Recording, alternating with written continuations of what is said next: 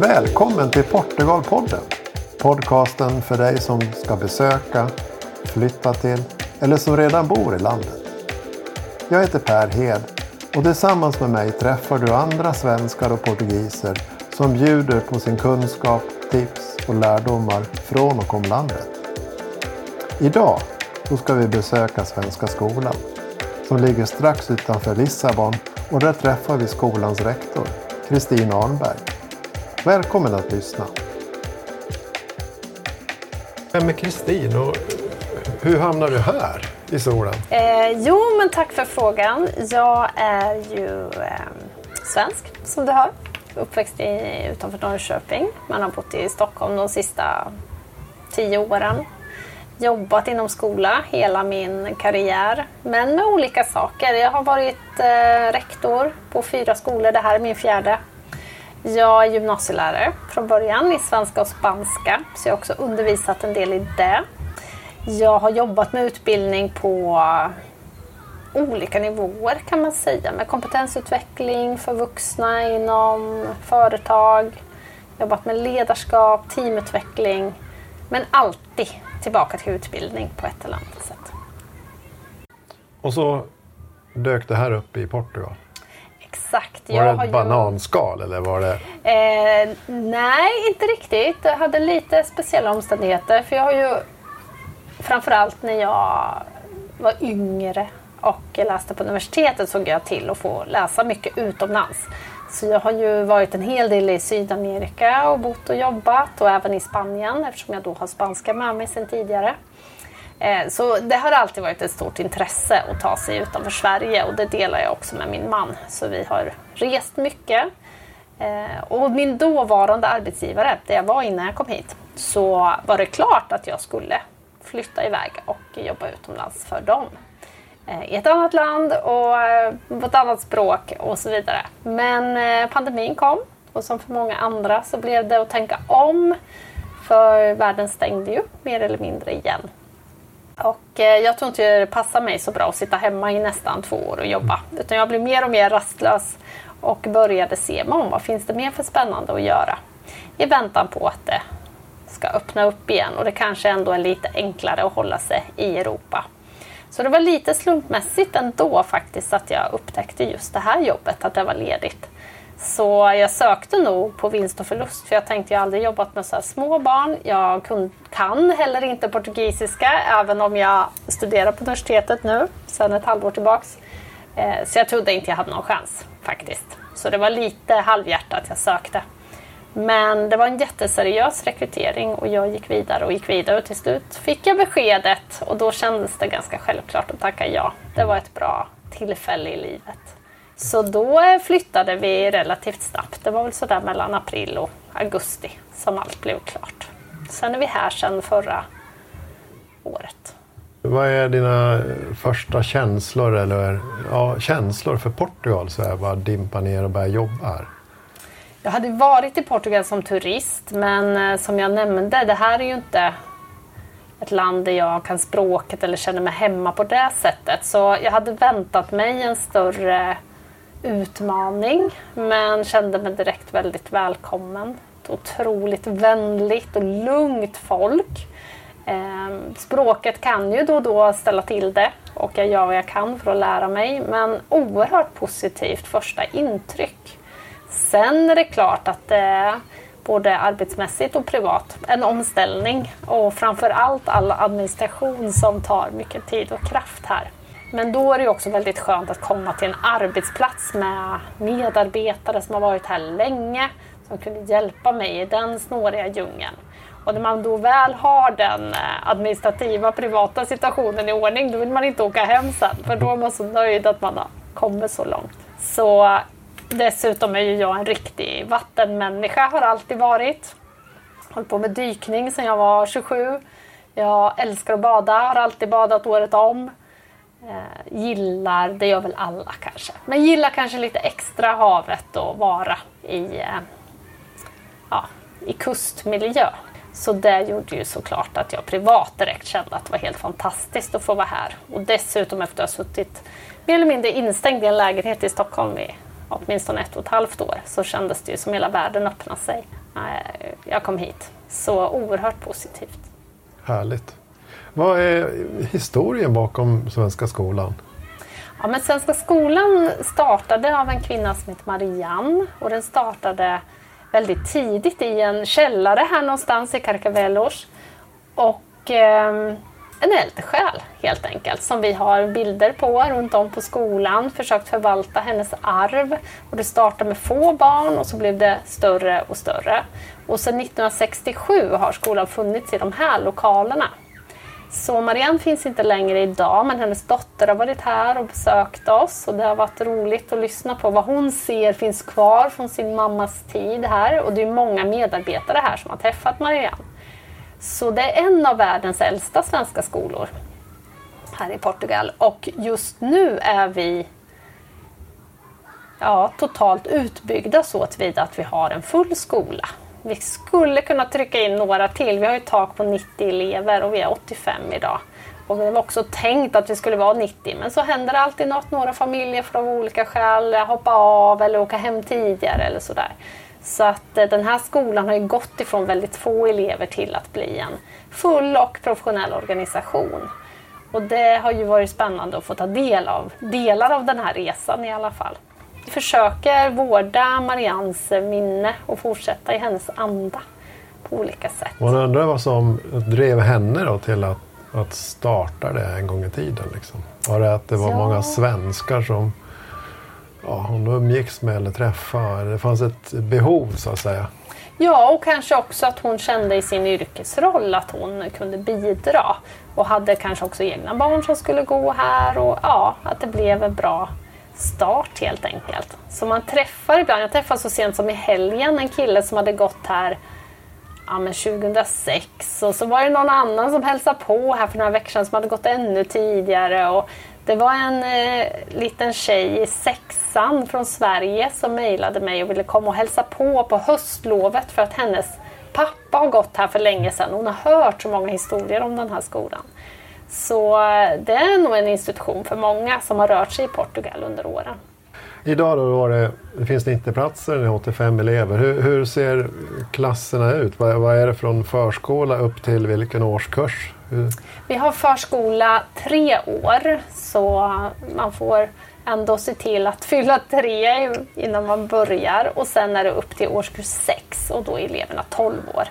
Och sen har vi idag inget alternativ högre upp i åldrarna och då väljer ju några att åka hem med sina barn och elever såklart och andra väljer internationella skolor eller portugisiska skolor för att läsa vidare. Sen har vi också ett specialprogram för enstaka elev där man kan göra någon speciell flexibel lösning. Men det är ändå upp till årskurs 6 som vi eh, erbjuder. hur, hur, eh, hur finansieras skolan? Vi har föräldrar som betalar skolavgift hit och det är ju det hela skolan bygger på. Sen är vi statsbidragsberättigade och då får vi varje år söka pengar från Skolverket för de elever som vi tror har möjlighet att få statsbidrag. Och det är ganska snåriga regler för att komma igenom det lilla knappnålsögat. Men det handlar ju om att föräldrarna, vårdnadshavarna, ska ha en anledning till att vistas här. Och den anledningen ska inte då enbart vara sol och surf och eh, härlig tillvaro utan eh, att man gör någonting för Sverige på plats. Och det skulle kunna vara att man jobbar på ett av våra stora svenska företag, att man eh, jobbar inom ins- någon institution som ambassaden eller handelskammaren eller någonting sånt. Men vi har även eh, sökt och beviljats där det finns en företagsidé som ändå främjar Sverige och som då är berättigad att vara här att ju, och just göra det arbetet. Men det är ändå en handfull. Det är ja, max en fjärdedel av alla elever som erhåller statsbidrag. Annars är det då föräldrafinansierat, eller vårdnadshavare ska jag säga. Och det är en terminsavgift då som bestäms i förhand för varje läsår. Exakt, och vi har ju en föräldraförening som äger skolan. Så det är ju styrs som en förening på så sätt att det tillsätts en valberedning som väljer en styrelse och styrelsen tillsätter rektor och sen är det ju då jag som har chansen att rekrytera medarbetarna. Och det är ju där i så att säga ekonomin ligger att medlemmarna är vårdnadshavarna som har betalat sin skolavgift. Så det är på terminsvis. Och vilka är eleverna? För vi gick upp här till det här underbara arbetsrummet med, med sol, sol, sol utanför. Så var det både portugisiska elever och svenska elever. Förstod jag rätt? Ja, vi har en eh, skrivelse i vår eh, värdegrund att vi ska vara det första alternativet för skandinaviskspråkiga elever. Och det är alla men man kan ju för den skull ha en vårdnadshavare som är portugis eller eh, från Brasilien eller kanske till och med ett annat land. Så eh, alla är ju inte så att säga direkt två svensktalande som har växt upp i Sverige utan det kan se lite olika ut. Vi har ju också norska elever. Förra året hade vi en finsk elev. Vi har elever som har en koppling till Danmark. Eh, och framför allt att man har någon förälder från Portugal eller Brasilien. Så det är ju en otroligt härligt inslag att kunna ha både och. Men vi är ändå väldigt tydliga här med att vi är en svensk skola, vi följer svensk läroplan. Man får svenska betyg, så vi ska göra det lätt för eleverna att komma tillbaka till Sverige och fortsätta sin skolgång. Och det måste ju vi hålla på för att kunna vara statsbidragsberättigade och ligga med i Skolverkets utbud. Sen har vi också lokala inslag i vår läroplan, men det är som ett extra tillägg. För det var min nästa fråga, just läroplanen. Om man mm. följer svensk läroplan eller om det är portugisisk. Men Nej, då är det svensk helt läroplan. svensk. Och där ligger ju också då skollagen och skolans värdegrund och där följer vi ju helt de svenska riktlinjerna. Sen har vi lagt till ämnen som portugisiska. Vi har lagt till ett ämne vi kallar för Global Awareness som eh, man var tidig med här på Svenska skolan för att titta på vår miljö och vår lokala miljö men även välgörenhetsprojekt utanför Portugal. Och eh, idag finns ju hållbarhet som ett ämne och en, ett tema inom alla skolämnen i svensk läroplan. Så idag gör vi det både i de ordinarie skolämnena och som ett extra ämne. Men när det här kom så var det nog lite extra och en Ja, en USP helt enkelt. Någonting man kunde ute. sälja. Man var tidigt ute. Precis. Och, och, på den korta tid du varit här nu, vad vet du om, om eventuella skillnader mellan en svensk läroplan eller utbildning och portugisisk? Jag kan ju inte påstå mig vara någon expert på det, men det vi hör portugisiska föräldrar och vårdnadshavare prata mycket om, det är ju vår svenska läroplansidé och svenska värdegrunds förmåga att se barnet. Att se den enskilda barnet, att jobba med individuella lösningar, att bygga på det starka istället för att slå ner på det svaga. Det den svenska ledarskapet naturligtvis som handlar om en demokratisk och platt organisation. Att vi jobbar mycket med elevinflytande. Och därmed inte sagt att ingen annan gör det. Men Sverige är ju stark på de frågorna och vi är starka inom entreprenörskap hos eleven och elevens förmåga att ta sig fram. Den trycker vi väldigt mycket på. Och det kan sticka ut när man eh, jämför med internationella skolor där kanske kunskapsuppdraget är högre och där det handlar om mer att läraren är en kraftigare auktoritet och att man är mer så att säga i en grupp och inte lika individuellt sedd. Men jag är övertygad om att portugisiska skolor kan lyckas och lyckas med det också. Men vi måste göra det. Det är så tydligt i skolans värdegrund och läroplan. Ja, jag märkte det i, i samtal med portugiser här, eller, och svenskar som har bott här ett tag, att eh, portugiser är duktiga på engelska, mm. bland annat. Eh, och att de som växte upp då när det var diktatur här fram till 74 fick ju inte gå i skola utan det var ju sjuårig grundskola för alla. Diktatorn tyckte att utbildning det behövs inte.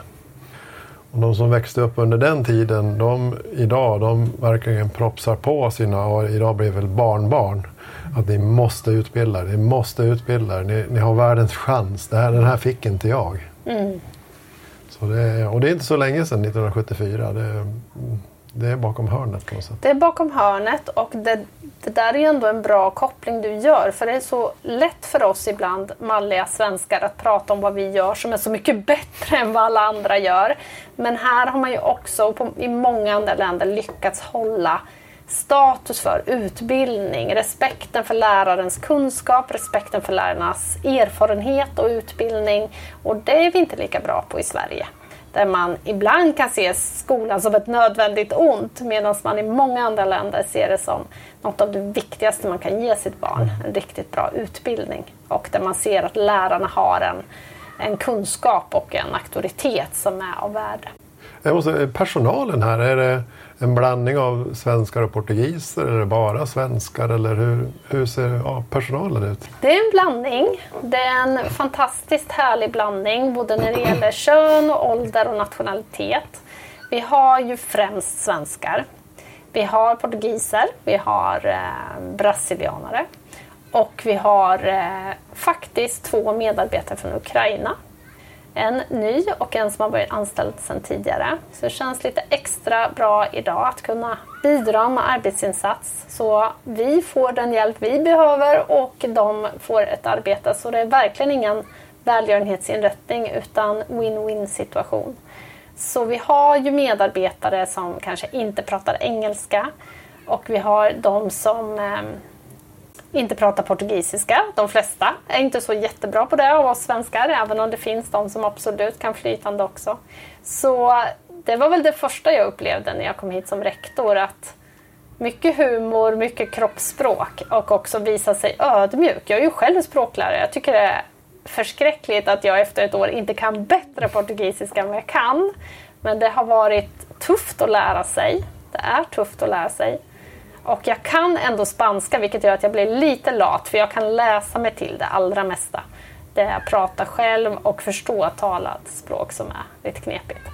Men eh, det är ju lite av charmen att få jobba utomlands. Att man kommunicerar lite andra sätt och tänker till hur man kommunicerar. Och det här är ju också en liten skola så det är mycket mer verbalt än vad jag är van vid. Jag har ju suttit och skrivit långa och många veckobrev och infomail och allt sådär i Sverige där jag jobbar på skolor med tusen elever. Här har vi då 90, vi har ett 20-tal medarbetare. Det är ju ett litet hus. Man går och pratar med varandra istället för att skicka ett mail. Och det tycker jag är väldigt härligt. Jag förstår det. Direkt kontakt. Så här. Korta beslutsvägar. Har, har man samarbete med andra skolor? Nu tänker jag både i Portugal eller har man samarbete med andra svenska skolor i andra länder? Ja, vi har eh, fått starta om det arbetet lite för det fanns en hel del samarbeten som under pandemin blev haltande. Och så har det ju också då varit rektorsbyten och då börjar man också om lite på nytt med vissa delar. Men jag är precis hemkommen tillsammans med biträdande rektor från Genève där vi var förra helgen och träffade mm, skolledare från Europa inom Svenska skolan. Vi är ett gäng på 20 stycken ungefär som då upptog kontakt igen efter pandemin och började träffades för att diskutera skolledarfrågor, pedagogik och också hanteringen till Sverige med statsbidrag och sådana delar. Så på rektorsnivå, ja. När det kommer till ehm, lärarnivå kan vi bli mycket bättre och göra mycket mer. För jag är övertygad om att det finns mycket att lära av varann. Vi har också en hel del digitala samarbeten med olika projekt och program vi använder där det finns nätverk. Vi har ju också kontakt med de svenska universiteten, vi tar emot många lärarstudenter. Så kopplingen till Sverige känner jag verkligen finns. Utan vad vi skulle kunna bli mycket bättre på är ju att utveckla kontakten med det lokala samhället här. Och framför framförallt samarbeta på elevnivå också med eh, portugisiska skolor. Och det har nog genom åren gjorts olika mycket och det är hög tid att ta ett omtag. Om man nu sitter här i Sverige och på väg att flytta ner om man har barn i skolåldern och på väg att flytta ner till Portugal. Hur, hur, hur söker man hit? Då ringer man till oss och så blir vi jätteglada samtidigt som vi det är intressanta samtal för vi försöker peppa dem jättemycket samtidigt som vi bara, men det är fullt just nu. Eh, så man hoppas ju att de som ringer har lång framförhållning. Ibland är det så här, vi har kommit ner nu och vi har tre barn, kan ni ta emot dem? Eh, och då får man komma hit och titta även då så att man känner att man vill eventuellt ställa sig i kö. Och det kan man göra via vår hemsida, Svenska skolan i Lissabon. Så framgår det väldigt tydligt vilka uppgifter vi behöver och det kostar också. Det kostar 200 euro att ställa sig i kö. Och sen när man får sin plats, då bekräftar man den genom att betala 300 euro. Men det här ingår sen i skolavgiften, så det är egentligen ingen extra kostnad, men det är en förskottsbetalning kan vi kalla det för. Och eh, visst, vi är ju som sagt nästan en full skola, men det ser ju olika ut i klasserna. Och du ställde ju frågan förut om vilka årskurser vi hade och jag ska passa på också att säga att vi samläser ju mycket. För vi har inte vare sig utrymme i huset eller tillräckligt elevunderlag för att ha varje klass för sig. Så vi har till exempel förskoleklass årskurs 1 tillsammans det här läsåret. Det kan ju se olika ut. Vi har årskurs 2 och 3 tillsammans och eh, 5, 6. Och det gör ju att det kan vara fullt i en grupp men inte i en annan. Så man ska alltid höra av sig och det händer saker både hos våra familjer och eh, med de som kanske står i kö, att man hoppar av eller någonting sånt. Så vi vill alltid upprätthålla hoppet. Eh, och så hör vi av oss så fort det blir en plats. Till exempel i somras så var det en rad familjer som av olika skäl valde att lämna. Och vi är jätteglada att man inte lämnar för att man inte är nöjd utan man lämnar för att man fått ett jobb på en annan ort, någon flyttade till Porto, någon åkte tillbaka till Sverige tidigare än planerat och så vidare. Och då börjar vi ju ringa in kön. Och då är det ju ändå jätteroligt att någon satt i Sverige i juli och bara, ja men absolut, vi flyttar i augusti, inga problem. Och nu är de här med hela familjen. Så eh, det går. Så tipset är, kontakta Svenska skolan ja. i Portugal, ställ er i kö. Absolut, och, och försök vara ute i så god tid som möjligt. Men det förstår jag är svårt ibland. Är det något annat som du vill lyfta fram?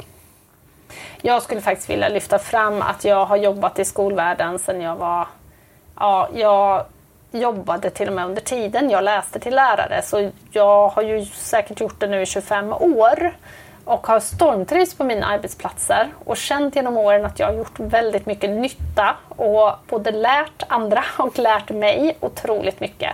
Men det här är ju första gången jag på riktigt känner att här kan vi göra ett helt uppdrag. Det finns möjligheterna för det. Det är få barn, superkompetenta pedagoger, tydliga riktlinjer, väldigt nära kontakt med vårdnadshavaren, gott samarbete. Vi lägger ju minimalt med tid på krishantering, kränkningsärenden, ehm, jag har negativa inslag och jag har ju mycket kontakt med mina tidigare kollegor i Sverige eh, och jag får också många frågor av de som kanske kom in lite senare i yrket än vad jag gjorde och hur gör man med den här frågan och hur gör man med den här frågan. Och tyvärr handlar det ju väldigt ofta om elever som råkar illa ut, som man behöver ta hand om på olika sätt. Och eh, när grupper kommer samman så händer ju saker. Men här är det ju alltid någon som direkt ser, vi kan agera direkt. Jag har flera exempel på och det är också väldigt små saker som händer. Men att vi direkt ånder på, så alla är informerade, allt är löst, vi har en ny rutin. Och det tycker jag känns helt otroligt att få uppleva det. För det är många rektorer som inte får. För att man har så, så hög vision och man vill ut i klassrummen och man vill jobba med pedagogiken.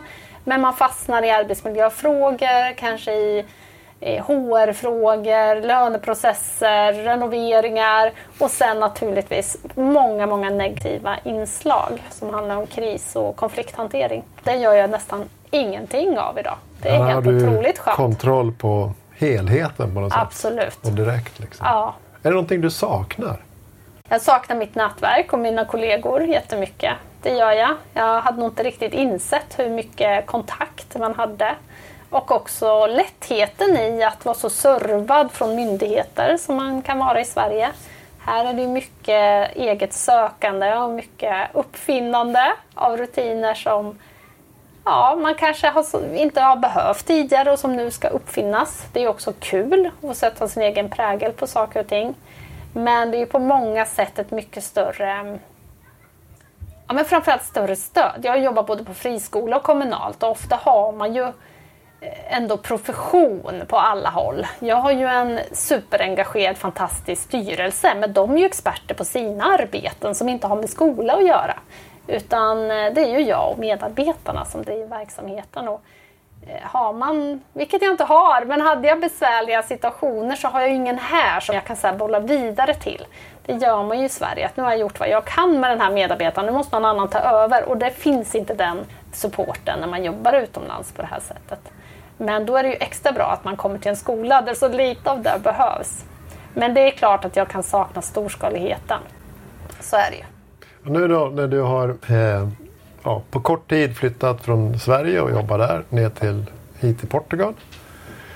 Helt ny miljö och nu tänker jag på det privata planet. Om inte säger, hur, hur gör man för att snabbt etablera sig i, i, i samhället? Har du några tips? Jag tänker, det finns säkert någon svensk som eh, sitter och lyssnar nu som är på gång eller har en dröm och vision om att flytta till Portugal och jobba för kort eller längre tid. Mm. Och då vill man ju ja, man vill komma in i samhället eller etablera sin, sin plattform här. Har du några tips på vägen? Ja, för det första ska man inte tveka och man ska inte fastna fastna hemma i alla lister, allt görande, utan mycket kommer pö om pö när man väl tar steget. Man kan inte ha tänkt på allt innan, det är faktiskt helt omöjligt. Man får försöka ta de stora pusselbitarna.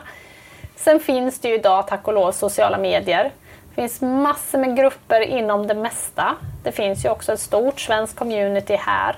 Man kan ta kontakt med oss. Vi har hänvisat vidare i frågor inom en rad områden. Man kan såklart ta kontakt med ambassad och handelskammare och andra om det är mer businessrelaterade frågor också. Och eh, ja, Facebook, Facebookgrupper, social media, mm, hemsidor Eh, det ser vi nästan dagligen att det skriver någon Hej nu kommer jag och min eh, familj. Vi letar efter någon som pratar svenska som man kan träffa på kvällarna. Eh, paddel. Jättemånga svenskar spelar paddel här. Det är jättepopulärt. Är man intresserad av det så går det också lätt att få både spelgrupper och det ena leder till det andra. Och man kanske också måste tänka att man själv behöver vara extra öppen och tänka att okej, okay, det här kanske inte är mitt allra största intresse i livet, men det är att få in en fot och lära känna människor och komma vidare. Det är ju ett jobb det också, alltså, så man måste på något sätt ja, nästan planera och lägga energi till. Som du säger, Precis. att, att verkligen stanna till och prata med ja, grannar eller vad det kan vara. Och. Med i olika grupper oavsett om det är intressant eller inte. Så nej, det är sociala nätverket. Och, som växer. Liksom. Ja, och inte vara blyg och också att till oss andra som är här, att man också är lyhörd. Nu har jag ändå tänkt på det sådär, det är vi flera som gör här, att okej nu kom den här läraren ny, vi kom, träffar ju honom varje dag, vi stämmer av och tar tempen på honom. Men hur mår din familj? Har din fru träffat någon? Har hon några intressen? Kan vi dra med henne Exakt. på något sätt? Till exempel. Och där, eh, i vårt fall har vi också en eh, en lånehund. Vi har jättelyxigt. Men för att slippa ha ett djur själv på 24 timmar om dygnet och ändå älska hundar så har vi en familj i Sverige som vi lite delar hund med. Så han var här och tillbringade vintern förra året. Och då märkte vi att då öppnas ju den världen. Och då var det också lättare att träffa andra portugiser. För då står man plötsligt i parken med två hundar. Och det var också ganska lätt att säga, jaha vad heter hunden? Hur gammal är hunden? Så några korta enkla fraser man lär sig för att försöka få igång ett samtal. Så det är ju också ett jättebra sätt om man har husdjur. Och har man då barn och barns fritidsintressen så är det en väg in också. Ja, barn, småbarn brukar ju vara en naturlig ja. kontaktyta liksom. i förskoleåldern. Då Ungefär som hunden där. Så. Ja, jo, då blev det lätt. Sen tycker jag också att har man valt att byta land, vare sig man kommer från Sverige eller någon annanstans, så är man ju ofta en social person som tycker om att vara med andra och tycker om att utmana sig. Så man möter ju likasinnande här. Så man behöver inte vara rädd för att inte hitta en tillhörighet. Det kan nog nästan vara, vi skämtar om det ibland, att sociala kalendern här är ganska uppbokad men också väldigt mycket mer spontan än hemma. Att ja, men, eh, klockan tre eftermiddag en lördag, då kommer nu spelar vi lite volleyboll, häng på alla som vill. Det är väldigt öppet och tillåtande. Det är härligt, roligt. härligt det låter. Ja, det är bara att komma.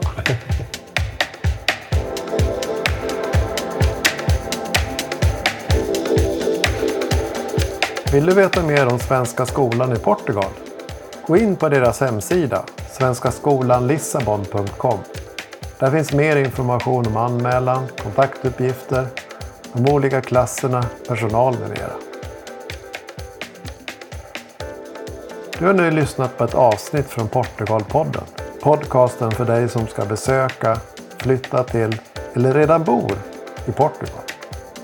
Har du tips på ämnen att ta upp i denna podcast? Tipsa mig gärna. Du hittar mina kontaktuppgifter på portugalpodden.se. Tack så mycket!